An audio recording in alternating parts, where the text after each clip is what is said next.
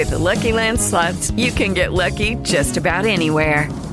This is your captain speaking. Uh, we've got clear runway and the weather's fine, but we're just going to circle up here a while and uh, get lucky. No, no, nothing like that. It's just these cash prizes add up quick. So I suggest you sit back, keep your tray table upright, and start getting lucky. Play for free at LuckyLandSlots.com. Are you feeling lucky? No purchase necessary. Void where prohibited by law. 18 plus terms and conditions apply. See website for details. Hello, it is Ryan, and we could all use an extra bright spot in our day, couldn't we? Just to make up for things like sitting in traffic, doing the dishes, counting your steps, you know, all the mundane stuff. That is why I'm such a big fan of Chumba Casino. Chumba Casino has all your favorite social casino style games that you can play for free anytime, anywhere with daily bonuses. That should brighten your day a little. Actually, a lot. So sign up now at chumbacasino.com. That's chumbacasino.com. No purchase necessary. VGW Group. Void were prohibited by law. See terms and conditions. 18 plus.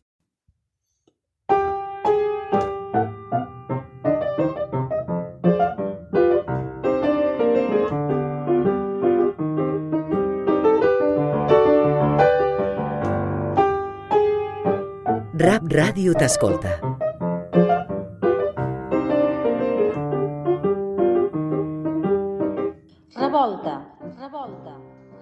Pont entre cultures.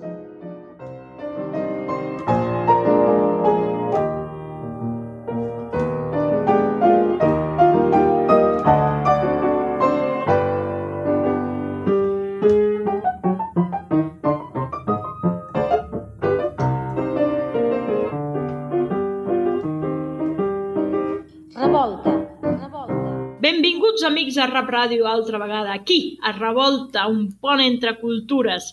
Avui parlarem de com la modernitat va crear uns altres ponts entre les nacions i va fer que les distàncies es fessin més petitones. I amb què ho va fer? Doncs ja ho sabeu, amb la revolució industrial i la màquina de vapor i el tren com grans, grans claus. Però aquestes, aquestes noves eh, invencions necessitaven edificis, necessitaven construccions apropiades. Així també va passar amb correus, amb telègrafos, i els, els edificis de correus i telègrafos es converteixen en mm, ícons urbans, en palaus. I això és el que va passar aquí a Mèxic, amb el Palau de Correos, que el va fer, a més, un tècnic fill d'una diàspora, una diàspora italiana. I de tot això i més ens parlarà el nostre amic Martí Checa, que és un gran estudiós de tots aquests enginyers i tècnics que venen a Amèrica a crear totes aquestes infraestructures necessàries perquè la modernitat pugui seguir-se desenvolupant en aquestes terres i que la majoria d'ells, o gran número d'ells, són gent que no, no és del país, ve d'altres llocs, com Itàlia, com Estats Units, etc. I, doncs bé, Martí, jo ja en vull seguir aixafant el teu tema i aixafant la guitarra. Jo crec que el que ha de, el que ha de començar a parlar d'això, perquè en sap i en sap molt, ets tu. Llavors et diria, endavant, Martí.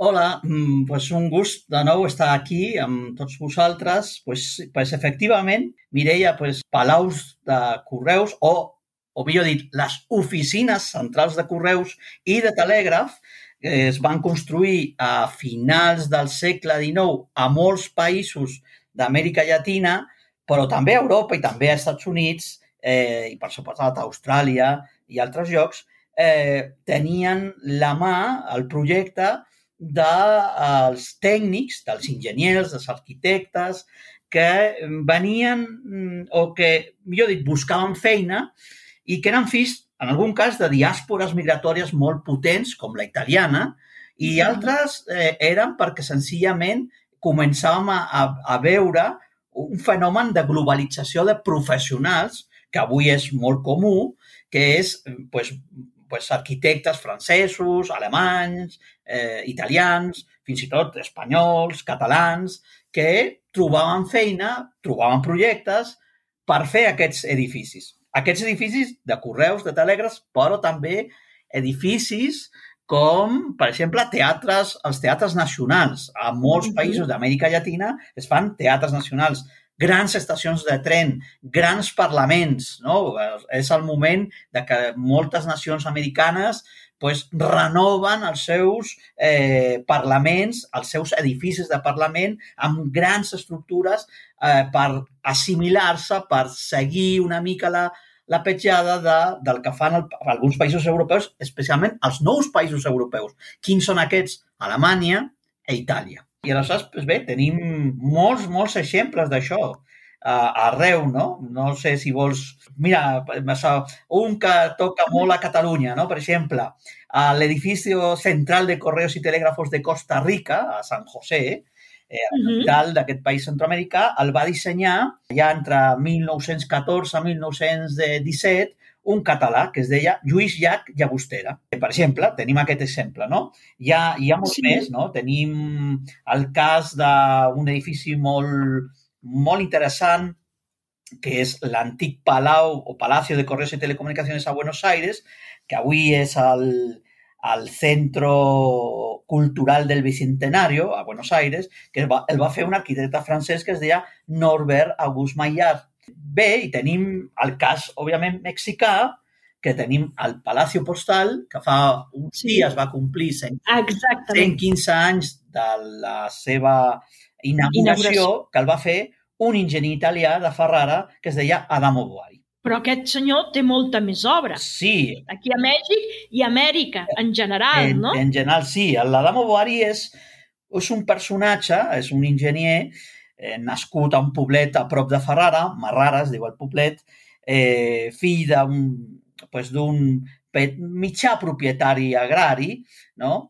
que té la sort d'estudiar enginyeria, primer a Ferrara, després a Bolònia, i com molts, molts eh, nois especialment homes, s'ha de dir, eh, joves, migrarà. Migrarà primer a l'Argentina, després al Brasil, on fa algun, els seus primers, el primer projecte, allà treballa al ferrocarril, i de, i de Brasil eh, agafa una malaltia, la febre groga, torna a Itàlia i des d'Itàlia, eh, per un encàrrec que té, eh, relacionat amb les propietats agràries de la seva família, pues, va cap als Estats Units. I allà als Estats Units treballa eh, com a enginyer, un enginyer d'aquests de control, de seguiment d'obra, eh, sí. és molt jove quan arriba als Estats Units, arriba a la ciutat de Chicago, on s'està fent la eh, World Columbian Fair, la exposició universal que es va fer a Chicago al 1893, que és una de les primeres exposicions universals on l'electricitat té un pes molt important.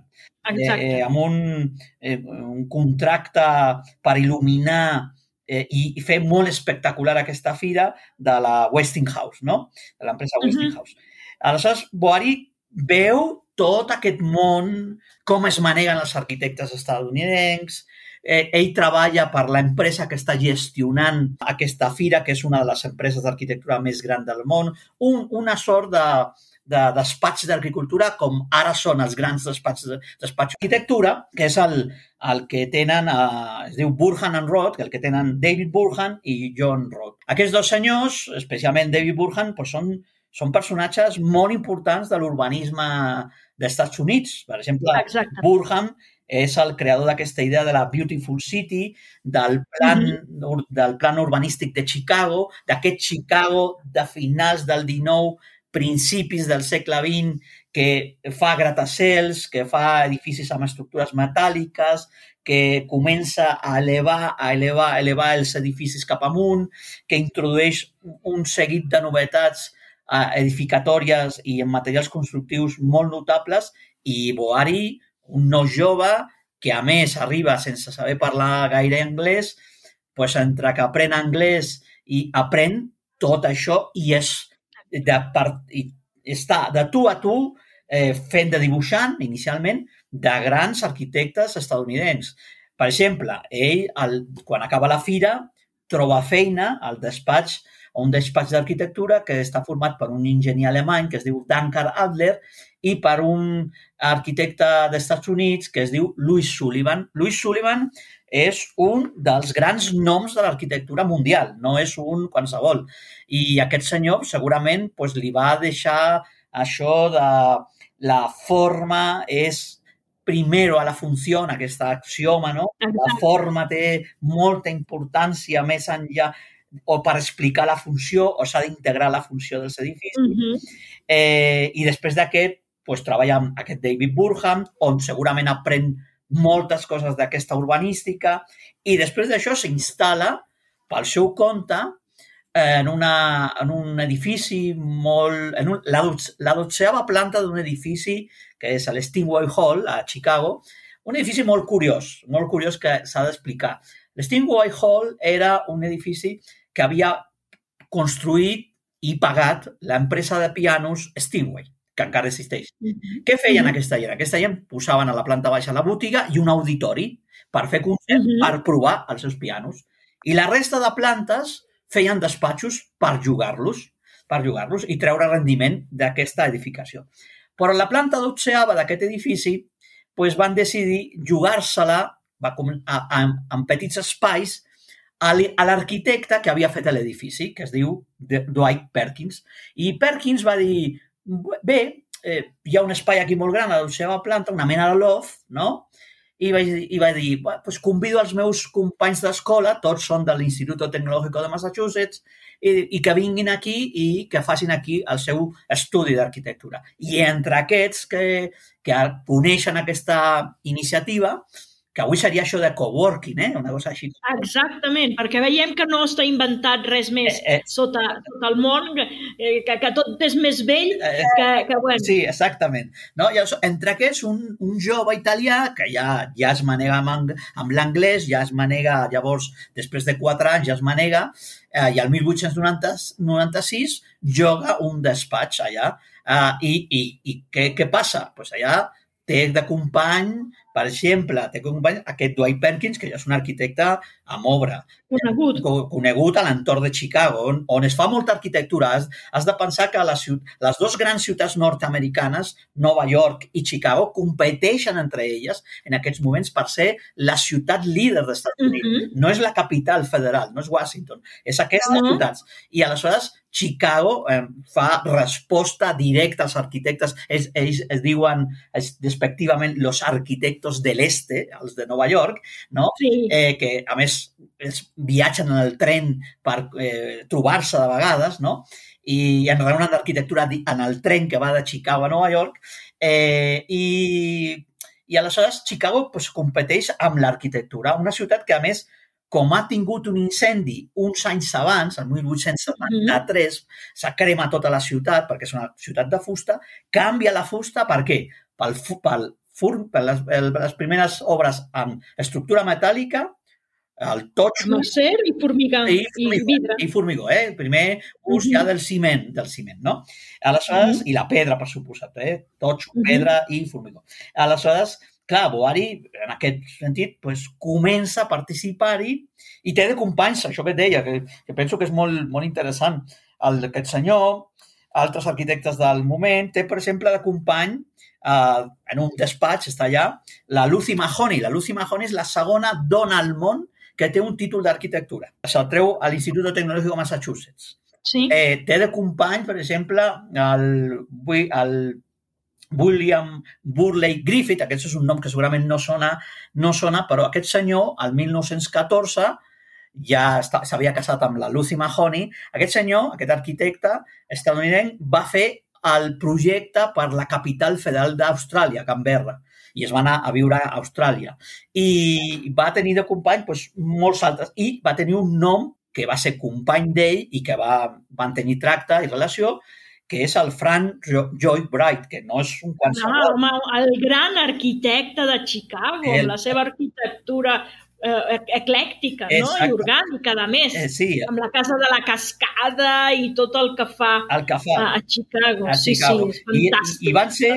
I van ser companys, eh, companys de despatx, diríem, eh? Companys de despatx. De fet, el Boari li dibuixa alguna casa, la casa de Víctor Metzer, per exemple, Ahà. que, que dissenya Wright amb, el, Wright. amb un altre arquitecte, el Henry Tomlinson, li dibuixa, fa uns dibuixos, els renders, que avui es fan en computadora, li fa el Boari, no? I el, i el Wright diu, eh, eh, good by Boari, no? O sigui, per, i, I bé, i a les memòries del, del Frank Lloyd Wright, a l'any 57, el- aquestes memòries que es diu Testamento, no? Són molt bones, Sí. que a més estan, són exquisites de llegir. Exactament. Un text molt interessant de com es pensa l'arquitectura, com, com, com pensava l'arquitectura ell. Parla en algun moment del Boari, diu que, que va conèixer, estan allà els primers anys, a l'Steamboy Hall va conèixer un, un italiano muy entusiasta, ¿no? Y, y, que, y que, que hizo obras muy importantes a la Ciudad de México, concretamente a aquest palacio, al Palacio de Bellas Artes, no? El Teatro Nacional, no? Aleshores, Boari és un personatge que, per fer arquitectura, per fer obra, primer el que fa, com molts arquitectes, és participar a concursos. I participar Mhm. a concursos als Estats Units, alguns, eh, empreses de, de materials constructius, per exemple, té, queda el segon en un concurs que convoca l'empresa Luxfer, que fa aquestes, aquesta mena de totxos de vidre, aquesta, no sé... Sí, mm, Vitroblocks. eh, Vitroblock, sí, que és una novetat en el moment i que encara existeix aquesta empresa. Mhm. I ell dissenya, fixa't, ell, ell dissenya en, en els dos projectes que presenta, un d'ells és un gratacels de 32 metres que sembla un castello eh, italià, però fet amb aquest, aquest eh, vitrobloc, aquest, aquesta mena de, de totxos de vidre, no? Eh, Imagina't, eh? 32 pisos d'alt eh? i amb aquest material. Amb el que hauria pesar això. Eh, sí, bueno, eh, queda com un projecte, com tot, no? Perquè, bueno, eh, participa a concursos, per exemple, de la, soci la Societat de Caritat de Nova York, d'habi- d'habitatge social, participa, per exemple, en una proposta també pública per a fer un ajuntament, un nou ajuntament a Nova York, que, i ell fa com una mena de castell, castell italià, no? Que, òbviament no, no, no, Ell sempre, sempre fa obra molt relacionada amb el seu origen i el seu paisatge, que és que té que veure amb Itàlia, el gòtic i tot el que hi ha allà, no? Sí, sí, sí en part i, i no. Eh, sí, hi ha algunes coses que sí, i, però sobre, hi ha una altra qüestió que, que hem esbrinat fent la biografia d'aquest personatge, que realment ell creu, ell creu, i ho escriu, eh, i ho escriu en un diari, mexi, una revista mexicana, el 1898, i diu, si els eh, estils arquitectònics del passat, aquests estils medievals, inclús els estils clàssics, o inclús els estils de l'arquitectura mesoamericana, han servit per fer arquitectura, qui, per què nosaltres, ara, a finals del segle XIX, no els podem utilitzar si han servit? No cal inventar res de nou, aquesta arquitectura ha servit, ha fet les seves funcions eh, i nosaltres el que hem de fer és agafar-la, adaptar-la i utilitzar-la. I, I aquest és un pensament que té Boari i ho veiem, ho veiem amb aquestes propostes inicials Clar. però també ho veiem, per exemple, en el Palacio Postal de la, Ciu- de la Ciutat de Mèxic, on ell agafa i diu pues, el gòtico, i, i, i ho sabem per cartes que escriu algun dels seus clients, i li diu eh, a un dels seus clients, que és un, un sacerdot d'un poblet de, de Jalisco, de Totonilco Alto, li diu Mhm. eh, miri, miri vostè, eh, l'estil que encaixa en el Mèxic actual, el Mèxic del Porfiriato, és el gòtico espanyol. I per què? Perquè és, per ell és la mena de continuïtat de continuïtat d'aquest món colonial que té la ciutat de, de Mèxic, no? no? No em facis dir quines cabòries té al cap no, per dir això, però aquesta... Home, era la capital de, del regne més gran que tenia en aquell moment a l'imperi espanyol, Eh, que era la Nova Espanya, Exactament, eh? no? Parlem-ne, parlem-ne. Sí, aleshores, suposadament, suposadament, ell diu, ell diu bé, eh, eh, agafem aquest gòtic tardà, el, el isabelino, no? el plateresco, no? i ho utilitzem a Mèxic, a, a la ciutat de Mèxic. Però, però el seu, sobre el seu origen italià, per exemple, ell dissenyarà i farà el tercer projecte, té, hi ha tres projectes, i a ell li encarreguen fer el tercer, al Cabildo Catedralicio de la, de, de la Catedral de Guadalajara, i Sí. per fer el temple expiatori eh, dedicat a la Exacte. Eucaristia. I, I aquí no utilitza un gòtic eh, espanyol, no, no, aquí utilitza una cosa italiana i, i copia, Totalment. li, literalment copia la façana de la catedral d'Orvieto, a Itàlia. També li encarreguen, per exemple, fer una parròquia, que avui és catedral de la Immaculada Concepció, a Matehuala, Sant Luis Potosí.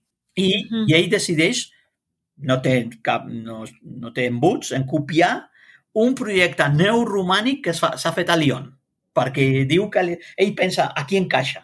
En un poblet petit, Matehuala llavors és molt petit, Sí, sí, 10.000 sí. habitants, mm, aquí encaixa aquest monstre, aquest e, edifici, no?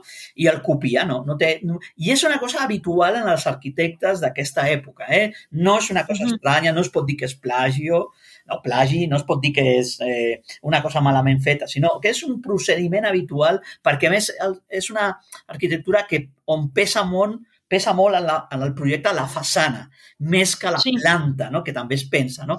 Però bé, eh, continuant, eh, els, amb aquesta participació en diferents eh, projectes, eh, concursos, arriba a, a, a tenir notícies en Boari d'un concurs molt important, el primer gran concurs internacional que fa el govern mexicà per fer el Parlament, per fer la, el, el que es diria el Palacio Legislativo, no? Sí, que, que avui està on avui a Ciutat de Mèxic és el Monumento a la Revolució.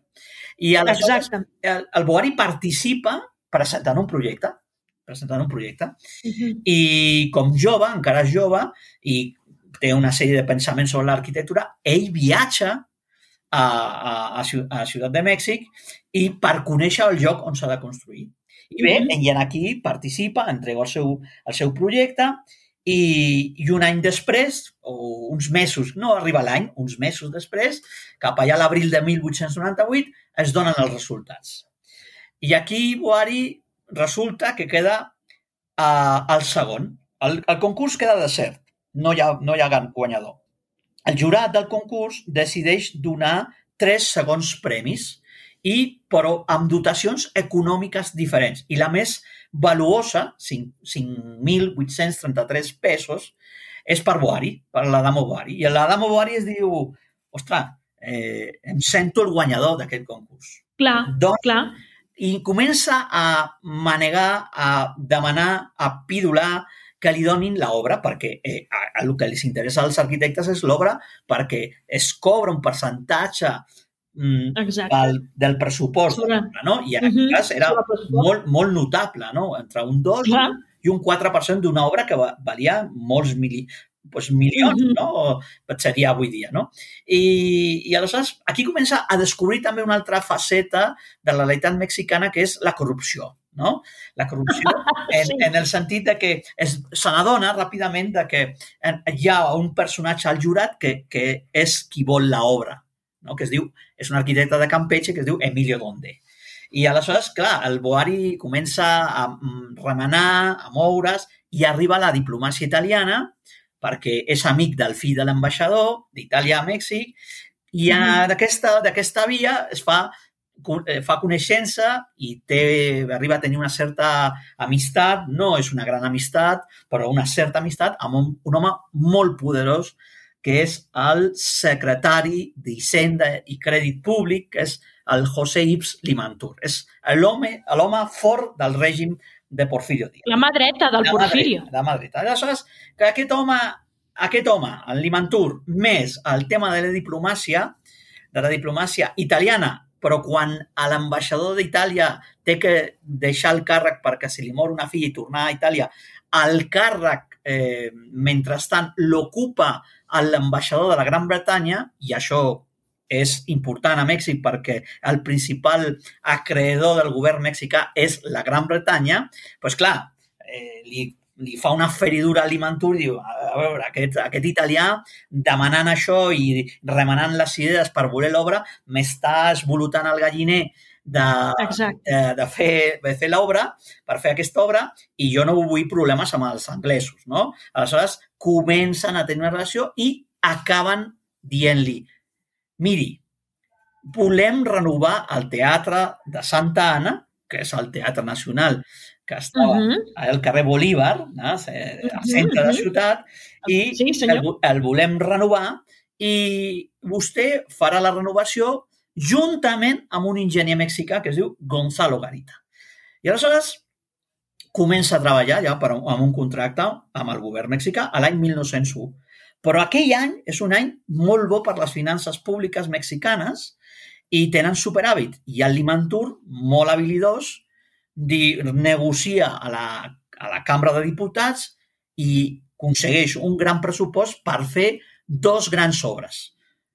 El, l'oficina central de Correus, avui Palacio Mhm. Postal, i el Teatre Nacional, avui Palacio de Belles Artes. Aleshores, Exactament. li diuen, li, els hi diu al, en Garita i en Boari, mm, mirin, deixin això, aquesta obra de, del Teatre Santa Anna, perquè l'enderrocarem i farem un nou teatre i farem una nova oficina central.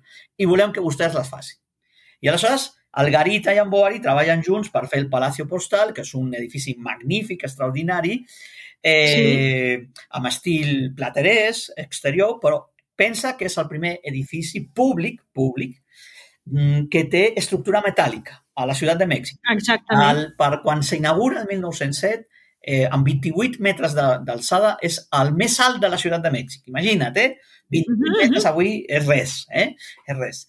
Eh, però en aquell moment és una gran novetat. Estructura metàl·lica, eh, cimentacions metàl·liques, eh, eh, eh, decoració externa eh, neogòtica o aquesta mena medieval, d'estil medieval, Sí. i, i aleshores aquí comencem a conèixer pues, la, el bo que té contractar amb un senyor italià que té contactes o que ha viscut la realitat professional de l'arquitectura i l'enginyeria a Estats Units.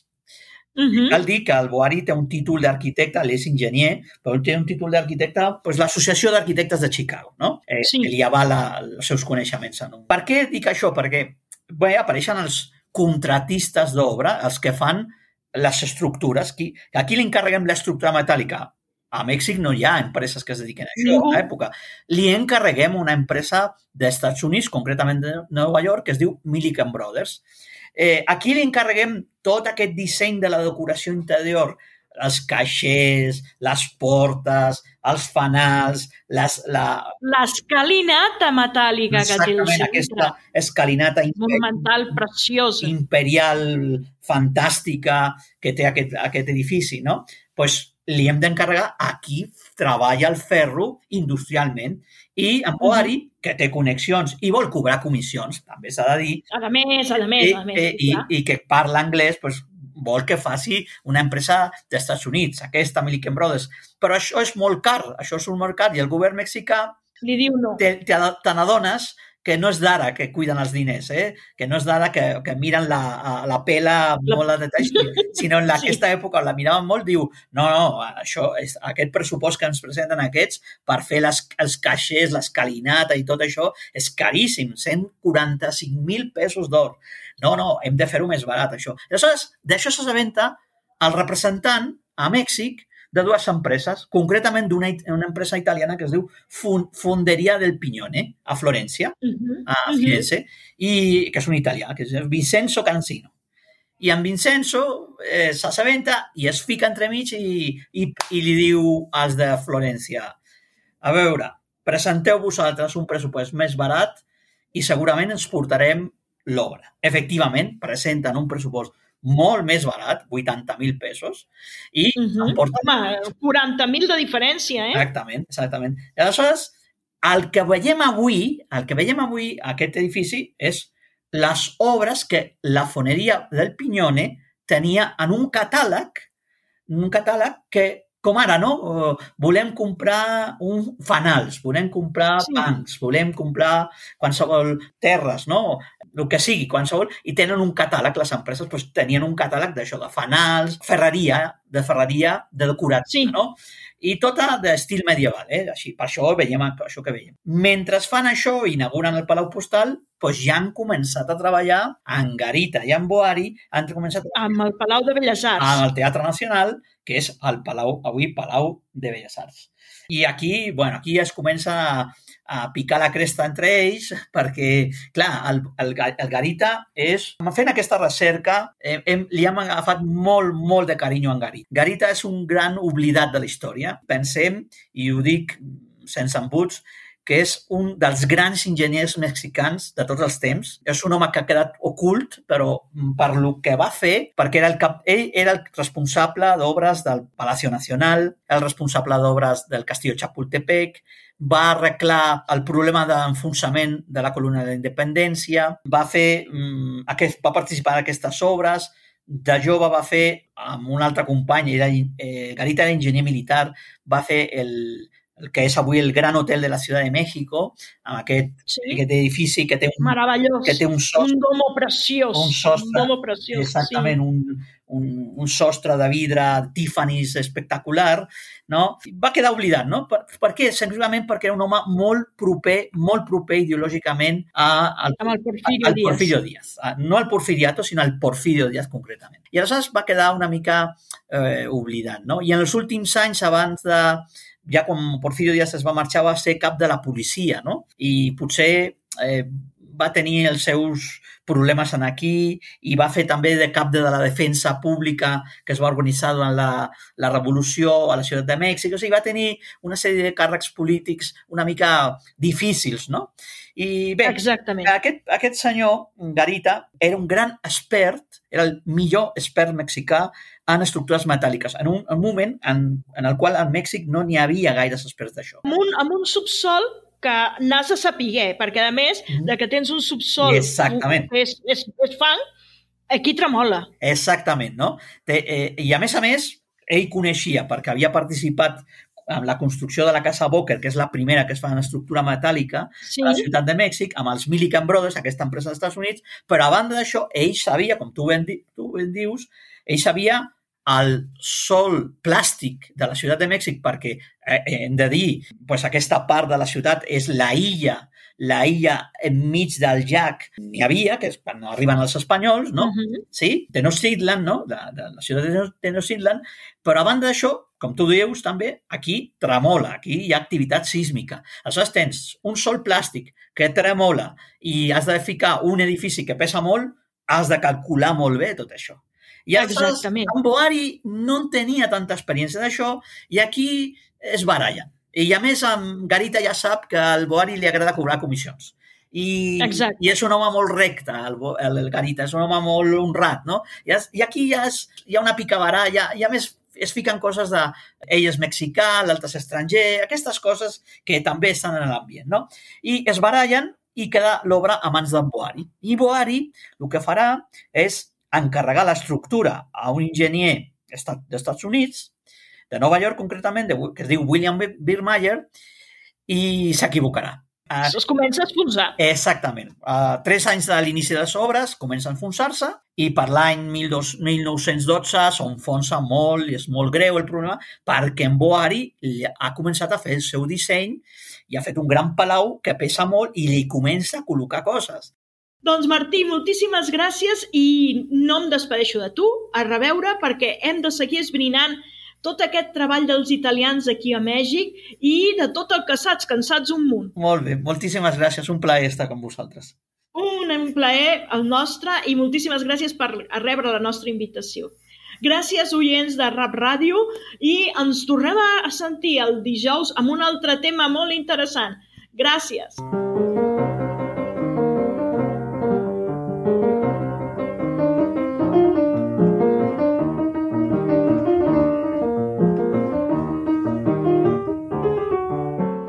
Revolta.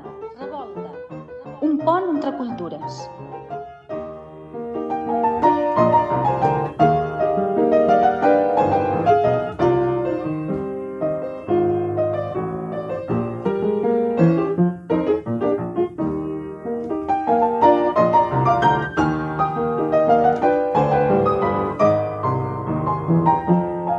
Rap Ràdio t'escolta.